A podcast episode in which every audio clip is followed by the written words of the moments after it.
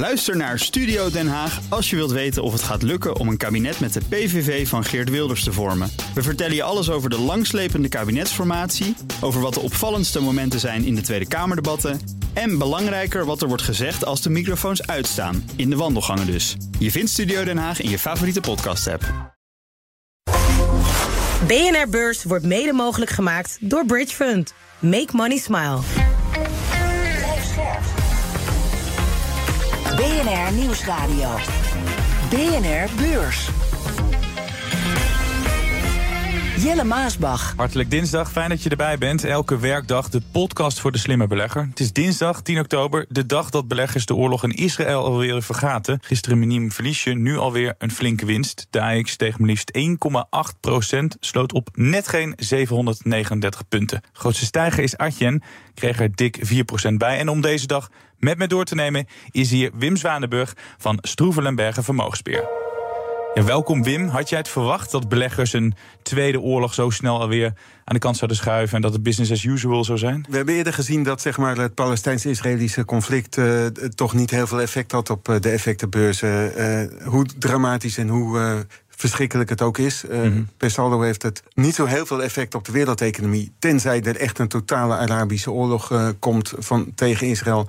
En echt ook uh, de oliemarkt nog opnieuw op zijn kop wordt gezet. Maar dat lijkt vooralsnog niet het geval. Straks bespreken we de cijfers van LVMH. De lat ligt laag voor de grootste verkoper van luxe producten. We horen zo hoe het bedrijf het heeft gedaan in het derde kwartaal. Maar eerst, wat zag jij nog meer vandaag? Wat viel jou op? We hebben het de afgelopen week veel over de rentestijgingen gehad. En wat mij opviel is dat de de ECB gaat kijken naar de waardering van de leningen die de banken hebben uitstaan aan de vastgoedsector.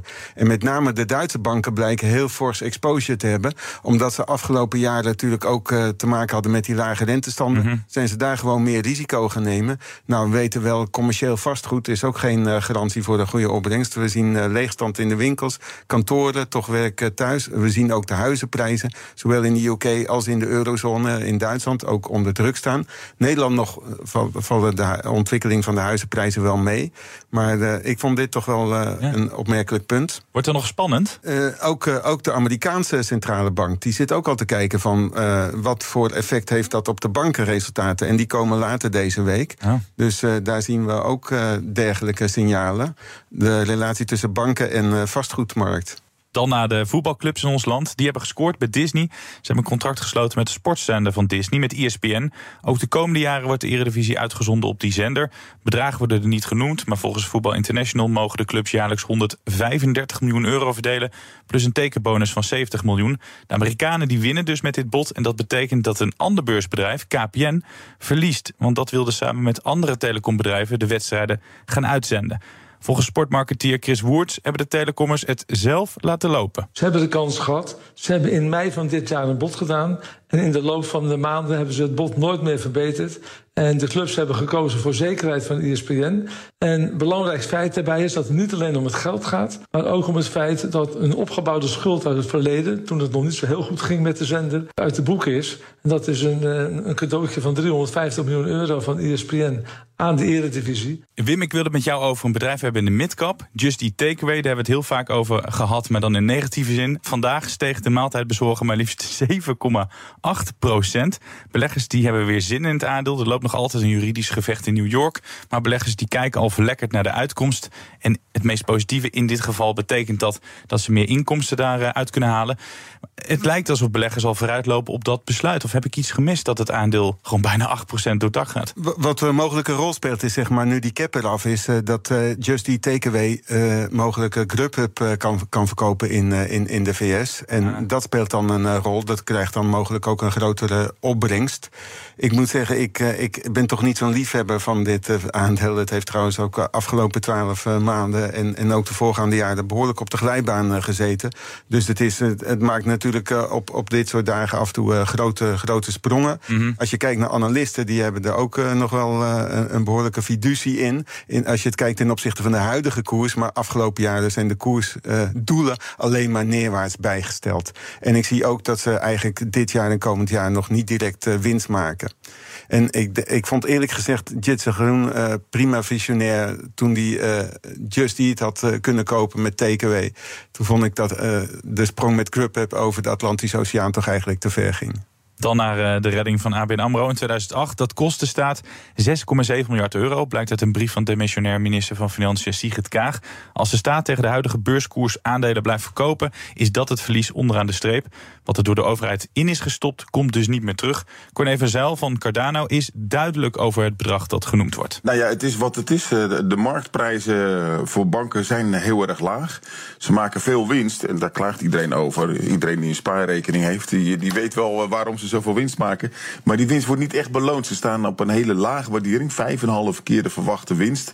Uh, even ter vergelijking, uh, de brede beurs in Europa staat op 12 keer. Dus is nog niet de helft. Maar dat is bij alle banken zo. Ja, en dan kan je wel zeggen, ik vind dat het meer waard is. Maar het is niks meer waard. Dit is de prijs die je op de beurs voor krijgt. En dus um, is, dit, uh, is dit wat het is. Ja, ik zie overal dat bedrag voorbij komen, Wim. 6,7 miljard euro verlies. Maar zonder die hele redding was de schade voor de staatskas toch veel groter geweest. Dus moeten we dat ook niet gewoon loslaten, dat schadebedrag? Ja, ik denk het. Uh, dit had een enorm fallout-effect uh, teweeggebracht. Dus de schade voor de Nederlandse economie was veel groter geworden. Ik denk dat je zo niet de balans moet, moet opmaken. Ja. Wat wel ook meegeteld moest worden, en daar tikte de Rekenkamer, de minister Kaag, toch nog even op de vingers. ook de rentelasten. Het is natuurlijk dat de staat afgelopen jaar ook de dividendinkomsten heeft gekregen van, uh, van de bank. Ja. Maar uh, dit heeft kapitaalbeslag bij de staat opgeleverd. En dan moet je ook de rentelasten aan toerekenen. Er kan nog iets heel geks gebeuren. Dat het aandeel ABN helemaal door het dak gaat de komende tijd. Dat het flink gaat stijgen. Dat het verlies wat terugloopt.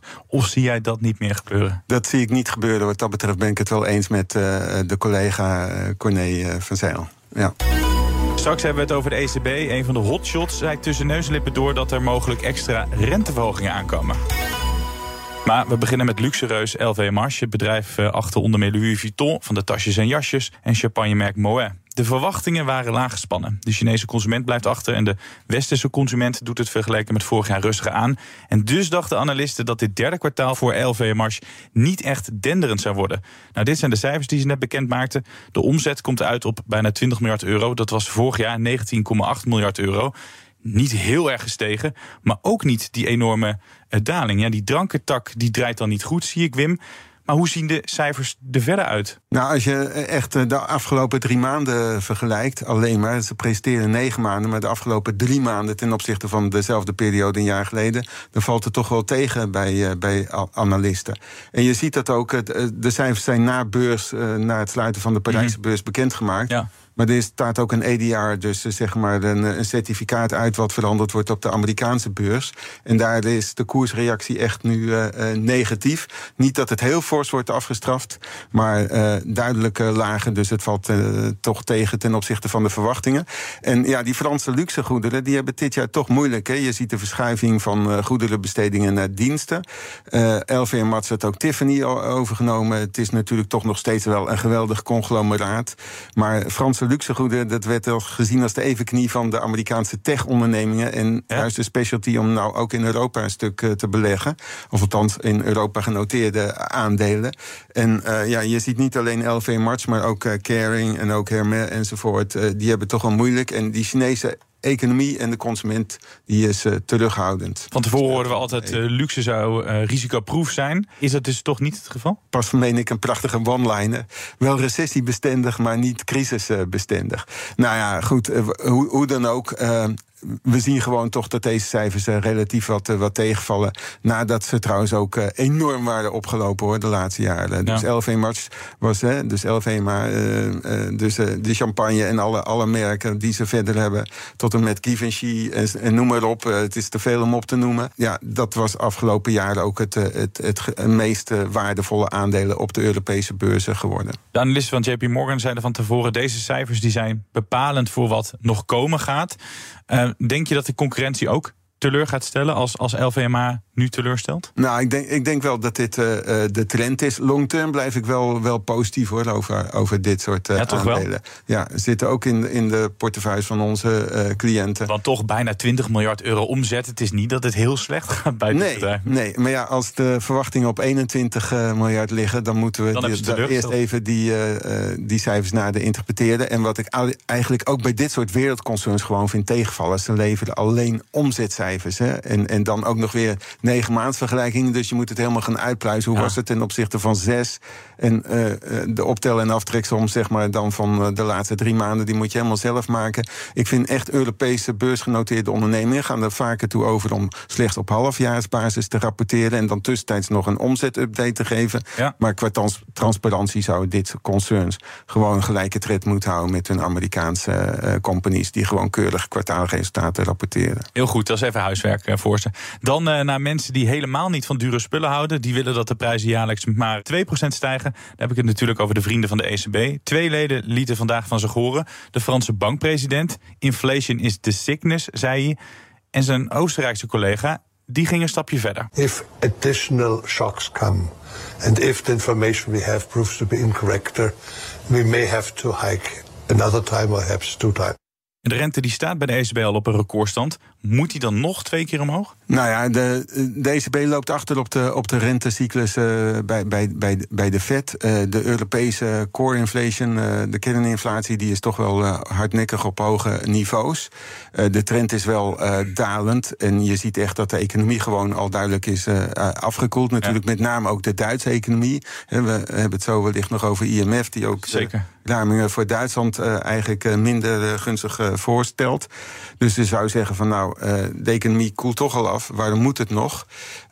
Centrale bankiers spelen hier een, een, een, traditionele rol wel iets te, te voorzichtig, denk ik. Ja, want ze hebben het over schokken. Wat zouden ze daaronder nou, met name dus de olieprijzen, die af, niet alleen uh, deze week in de gaten wordt gehouden vanwege het uh, Israëlisch-Palestijnse of Palestijns-Israëlische conflict. Mm -hmm. Maar die had uh, de laatste maanden toch al een, een forse verhoging laten zien. En dat wierp roet in het eten natuurlijk in de inflatiecijfers. Wat zou het betekenen voor de beurs als we nog een keer die renteverhoging om de kiezer krijgen? Als ik kijk naar bijvoorbeeld wat er ingeprijsd is in de futures, dan rekent de geldmarkt, dus de geldmarkttermijntarieven waarin gehandeld wordt, die rekenen toch ook niet meer op een uh, renteverhoging van, uh, van de Fed, maar uh, van de ECB. Maar wereldwijd is veel meer bepalend wat de Fed doet. En daar zien we juist dat er nu geruststellende mededelingen zijn gekomen afgelopen twee dagen van Fed-presidenten van de verschillende centrale banken die samen de Fed maken en mm -hmm. deel uitmaken van de FOMC, het beleidsbepalende commissie die de rente, geldmarktrente vaststelt. Dus de Amerikaanse Fed die lijkt toch wel de pauzeknop vast te houden en niet meer met de renteverhoging te komen komen. Er was vorige week wat twijfel over ontstaan. Omdat die uh, banencijfers ook uh, afgelopen vrijdag zo hoog uitvielen. Ja. Nou, ja, eigenlijk ja, een, een soft landing waar we op aankoersen. Uh, matige groei, maar ook een inflatie die een dalende trend wel vasthoudt. En dan denk ik dat de centrale banken hun werk wel uh, hebben gedaan. En wat ook de Fed-presidenten zeggen, de obligatiemarkt, de economie, die heeft nu bij elkaar het werk wel gedaan. Ja. Dus uh, ook de ECB, ik denk persoonlijk dat ze gegeven hun uitspraken nog wel één à twee keer gaan verhogen. Maar wat mij betreft zou het eigenlijk niet meer hoeven. Je had het net al over het IMF. De rekenmeesters die kwamen met de groeiraming voor de Nederlandse economie. Onze economie gaat wat minder hard groeien. Maar daar komen wij er nog wel goed vanaf. Want je haalde Duitsland al aan. Ja. Daar gaat het helemaal niet goed. Moeten we ons zorgen maken om de Duitsers? Nou, de Duitse economie die is natuurlijk, uh, heeft een hoge energieintensiteit. Hè, en uh, dat, uh, daar, dat levert nu problemen op. Hè. Nu niet langer dat goedkope aardgas uit, uit Rusland krijgen. Natuurlijk ook de grote afhankelijkheid van de, van de automobielsector. export naar China en import uit, uit China die nu juist bedreigend is. Omdat mm. de Chinezen voorlopen met elektrische voertuigen. Dus ja, um, Duitse economie zit wel in de problemen, maar we zijn daar in Nederland minder van afhankelijk geworden dan, dan historisch. Hè. Dus, uh, ook altijd de motor van Europa genoemd. Gaat iemand anders met die titel van? Uh, dat vind ik nog te, te kort om daar te, te zeggen. Want je ziet eigenlijk nog de echo-effecten van, uh, van, van de coronacrisis. Dus die tempo-groeiverschillen. Je ziet nu dat de Zuid-Europese landen het eigenlijk ook relatief goed doen. Ja. Maar die zie ik toch echt op termijn toch niet echt als de locomotief van, van Europa. Wat we wel zien, en dat vind ik wel een positief, is dat Frankrijk ook eh, deze week weer met cijfers kwam... waar het blijkt dat ze aan de recessie weten te ontsnappen. En moeten we ons zorgen maken om de Nederlandse banken? Want ze waarschuwen er ook nog voor mogelijke wanbetalingen op Nederlandse hypotheken. Nou, ik denk, uh, daar, daar, daar zijn echt uh, de buitenlandse instanties, IMF en ook de OESO, e altijd veel te uh, voorzichtig en, en, terughoudend. Ik denk toch dat je, de, als je kijkt naar de, de prijsontwikkeling op de Nederlandse huizenmarkt, er staan er heel weinig hypotheken, denk ik, echt, echt onder water. Bovendien, ook de werkloosheid is laag, de inkomenszekerheid is, is groot. er zijn gewoon nog te, tekorten aan, aan woningen, dus over die huizenmarkt en ook over die maak ik me echt uh, niet al te veel zorgen. Bovendien, afgelopen jaren hebben heel veel uh, mensen die een hypotheek hebben, toch al de rente voor heel veel jaren vastgezet. Gelukkig wel, ja. ja. Dus ik denk, ja, ik, ik ken er nog één. BNR Beurs. De handel op Wall Street dan. Dow Jones in de plus 0,8% erbij. De S&P 500 wint een procent. En de Nasdaq 1,2%. Ik wil uh, kort PepsiCo bespreken. Dat kwam voorbeurs met de cijfers. Die waren beter dan verwacht. Bedrijf achter Pepsi, 7-Up, Lace Chips en uh, Krusli van Quaker... die kan opnieuw de prijzen verhogen en dus de omzet en de winst opkrikken. En daar stopt het goede nieuws niet, want PepsiCo kwam weer met een leuke mededeling voor beleggers. The company raising its full year forecast on the strong showing in Q3. Shares are up, popping if you will. Ja, ze gaan dus meer winst maken dit jaar. Dat zorgt ervoor dat de koers bijna 2% stijgt. BNR Beurs. De meest succesvolle aankoop ooit. We horen het de hele week van onze gasten. Welke aankoop zal ze altijd bijblijven en wat hebben ze ervan geleerd? Wim, jij hebt eindelijk eens een keer een Nederlands aandeel meegenomen. Want ik word helemaal overspoeld met verre buitenlandse namen. Dus vertel. Ja, maar het zal je niet verbazen dat het toch wel een technologie aan Ja, dat, dat had ik al wel verwacht bij jou. En uh, ja, wat dit betreft is het buy and hold. En uh, ik, ik heb wel een rijtje succesnummers. Maar uiteraard ook eens een rijtje zeperts. Uh, maar goed, ik, ik ben geen trader. Ik ben voor, voor de long term. Ik mm -hmm. doe een behoorlijke diepgaande analyse. En dat, dat doe ik voor ons bedrijf. Maar dat doe ik ook zelf wel in, in mee. Maar wie staat er op één? transacties melden overigens. Maar wie staat er op één? Daar zijn we benieuwd naar. ASML. Ja. En uh, als, je, als je kijkt, uh, er is pas ook weer een onderzoek uh, gepresenteerd van een Amerikaanse professor. Hij heet Bessem Binder, dus laten we gewoon zeggen Bezembinder.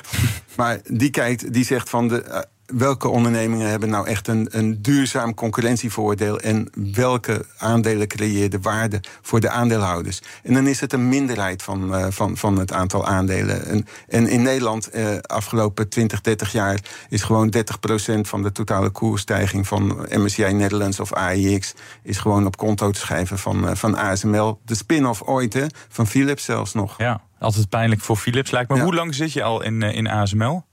Uh, nou, ik denk uh, meer dan 15 uh, jaar. Ik dat is al een ik heb wel, ook wel eens wat, wat bijgekocht. Ja. ja. Nou, ik, ik, kan me natuurlijk voorstellen, je, een paar jaar geleden, als je toen instapte, had je ook een mooie rit kunnen maken. Maar 15 jaar geleden, toen was het nog niet de naam waar we het in elke bulletin al, al over hadden misschien. Nou, uh, internationaal was het nooit zo'n heel bekende naam. Uh, door de BBC werd het drie jaar geleden zelfs nog maar een Dutch Obscure Company uh, oh, genoemd. Echt? Drie jaar geleden? Ja, ja drie jaar geleden. Ja. En dat, en dat wordt ook beschreven in, in een heel mooi boek, Chips War, van Chris Miller. Ja. Uh, die, die, die, die, volgt het uh, spoor terug. Hè? En in uh, Veldhoven hebben ze zelfs sweaters met die uitspraken. Het is een beetje geuze naam geworden. Ja. Maar ja, goed. ASML zit vooraan in, in, in de keten. Heeft eigenlijk uh, zo'n enorme voorsprong. Die machines worden steeds duurder, honderden miljoenen. Uh, en ja, nu ook hè, met de nieuwe golf van AI. Er zijn nieuwe type processoren nodig. Die, die chip, die innovatiecyclus, die gaat gewoon door. De wet van Moore, die is echt nog niet beëindigd. En ja, daar heeft uh, zeg maar uh, ASML een duurzaam concurrentievoordeel. Ja. Ook op companies als, uh, als, als Nikon enzovoort. Het is natuurlijk wel echt een Hosanna-verhaal. Het is wel een grote maar. En die maar die heet de handelsoorlog tussen de Verenigde Staten en de Chinezen. Ze zitten er altijd zo tussenin. Het worden om hun oren geslagen met, met sancties. Is dat niet het allergrootste risico bij dit uh, bedrijf? Ja, maar dan verschuift de, uh, de productie. Dan moeten de Amerikanen weer uh, bestellingen doen.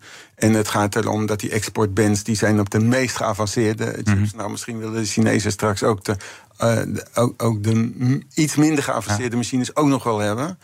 Uh, voor, het zou pas uh, echt een dreiging worden als, als China een evenknie van ASML weet te ontwikkelen. Maar daar ziet het, ondanks de spionageactiviteiten van de Chinezen, toch nog niet naar uit. Zie jij geen gevaren voor ASML? Nou, eh, als je kijkt gewoon naar de ordertrends... het is altijd heel gevaarlijk als, als belegger om te extrapoleren. En we zeggen ook altijd spreiden. Dus het, het zal nooit het enige aandeel worden in mijn portefeuille. En als het een, een, een relatief te groot belang is... dan zal ik daar iets aan, relatief aan afbouwen. Dat adviseer ik bij onze klanten ook. Maar ik durf het hier toch wel, wel aan. We zien echt chips, dat is gewoon de nieuwe grondstof... de olie van de wereldeconomie. En uh, zij zitten helemaal vooraan uh, in, in, in de cyclus. En ik heb ook wel eens verhalen gehoord van mensen die een enorme klap hebben gemaakt en het hebben verkocht na een paar jaar. Je zit er dus al 15 jaar in. En als ik jou zo hoor, dan heb je ook geen reden om afscheid te nemen van dit aandeel. Nee, zie ik eerlijk gezegd uh, niet. Maar uh, ik, twijfelde, ik moest eventjes een boekonderzoek doen van, uh, van de grootste winstmaker. ik kan nog een andere noemen waar ik ook behoorlijk op verdiend heb. dat was Illumina, een Amerikaanse company die machines levert voor, voor DNA-onderzoek, voor de scan zeg maar, van het menselijke lichaam, wat, tot op de diepste cellen. Maar die company is door verkeerde handelwijze van, van management heel ver teruggevallen. Die hebben een overname gedaan uh, waar ze nog geen toestemming voor hadden, maar dat al helemaal in de compagnie uh, geïntegreerd. En daar hebben ze forse boetes voor gekregen. En dat stond net vanmorgen ook weer in, in de Financial Times. En daar heb ik toch wel tijdig uh, mijn belang afgebouwd ooit. En dan snap ik dat ASML jouw, jouw nummer 1 is. nou, je kent me ook als Apple Watcher. dat staat op een duidelijke nummer 2. Nu tijd voor een blik op de dag van morgen. Dan is de beursagenda wederom gevuld met cijfers en nieuws uit Amerika. Jort collega Sam van Zuilen. Een klein beursfonds, maar wel een met grote problemen. Ebusco, een elektrische autobussenbouwer, opent als eerste de boeken op het Damrak. Het bedrijf moest een paar maanden terug de verwachtingen op de schop gooien. Het heeft namelijk last van leveringsproblemen en te weinig personeel. Beleggers gaan deze dag zien hoe hard dat doorwerkt in de derde kwartaalcijfers. Dan naar de Verenigde Staten. Daar wordt het aandeel Birkenstock voor het eerst verhandeld op de Nasdaq. En ook worden de notulen van de meest recente rentevergadering van de Fed gepubliceerd. Beleggers hopen daarin aanwijzingen te vinden voor toekomstig rentebeleid. Dit was BNR Beurs van dinsdag 10 oktober. We hadden het over de sjaaltjes, de tassen en de shirtjes van LVMH. Heel wat anders dan die lelijke Birkenstocks. Maar uh, goed, daar gaan we het morgen over hebben. Ook hadden we het over de vrees voor extra renteverhogingen. En we bespraken de beste aankoop van Wim. Dat is ASML. Dank Wim Zwanenburg van Stroeven en Bergen Vermogensbeheer. Wij zijn er morgen weer. Hopelijk jij ook. En heb je vragen? Stel ze vooral. Die kunnen naar bnrbeurs.bnr.nl. Tot morgen. BNR Beurs wordt mede mogelijk gemaakt door Bridge Fund. Make money smile. Ook Hugo Reitsma vind je in de BNR-app. Superhandig die BNR-app. Je kunt alle programma's live luisteren, breaking nieuwsmeldingen. Je blijft op de hoogte van het laatste zakelijke nieuws. En je vindt er alle BNR-podcasts, waaronder natuurlijk de belangrijkste, Boeken zijn in de wijk. Download nu de gratis BNR-app en blijf scherp.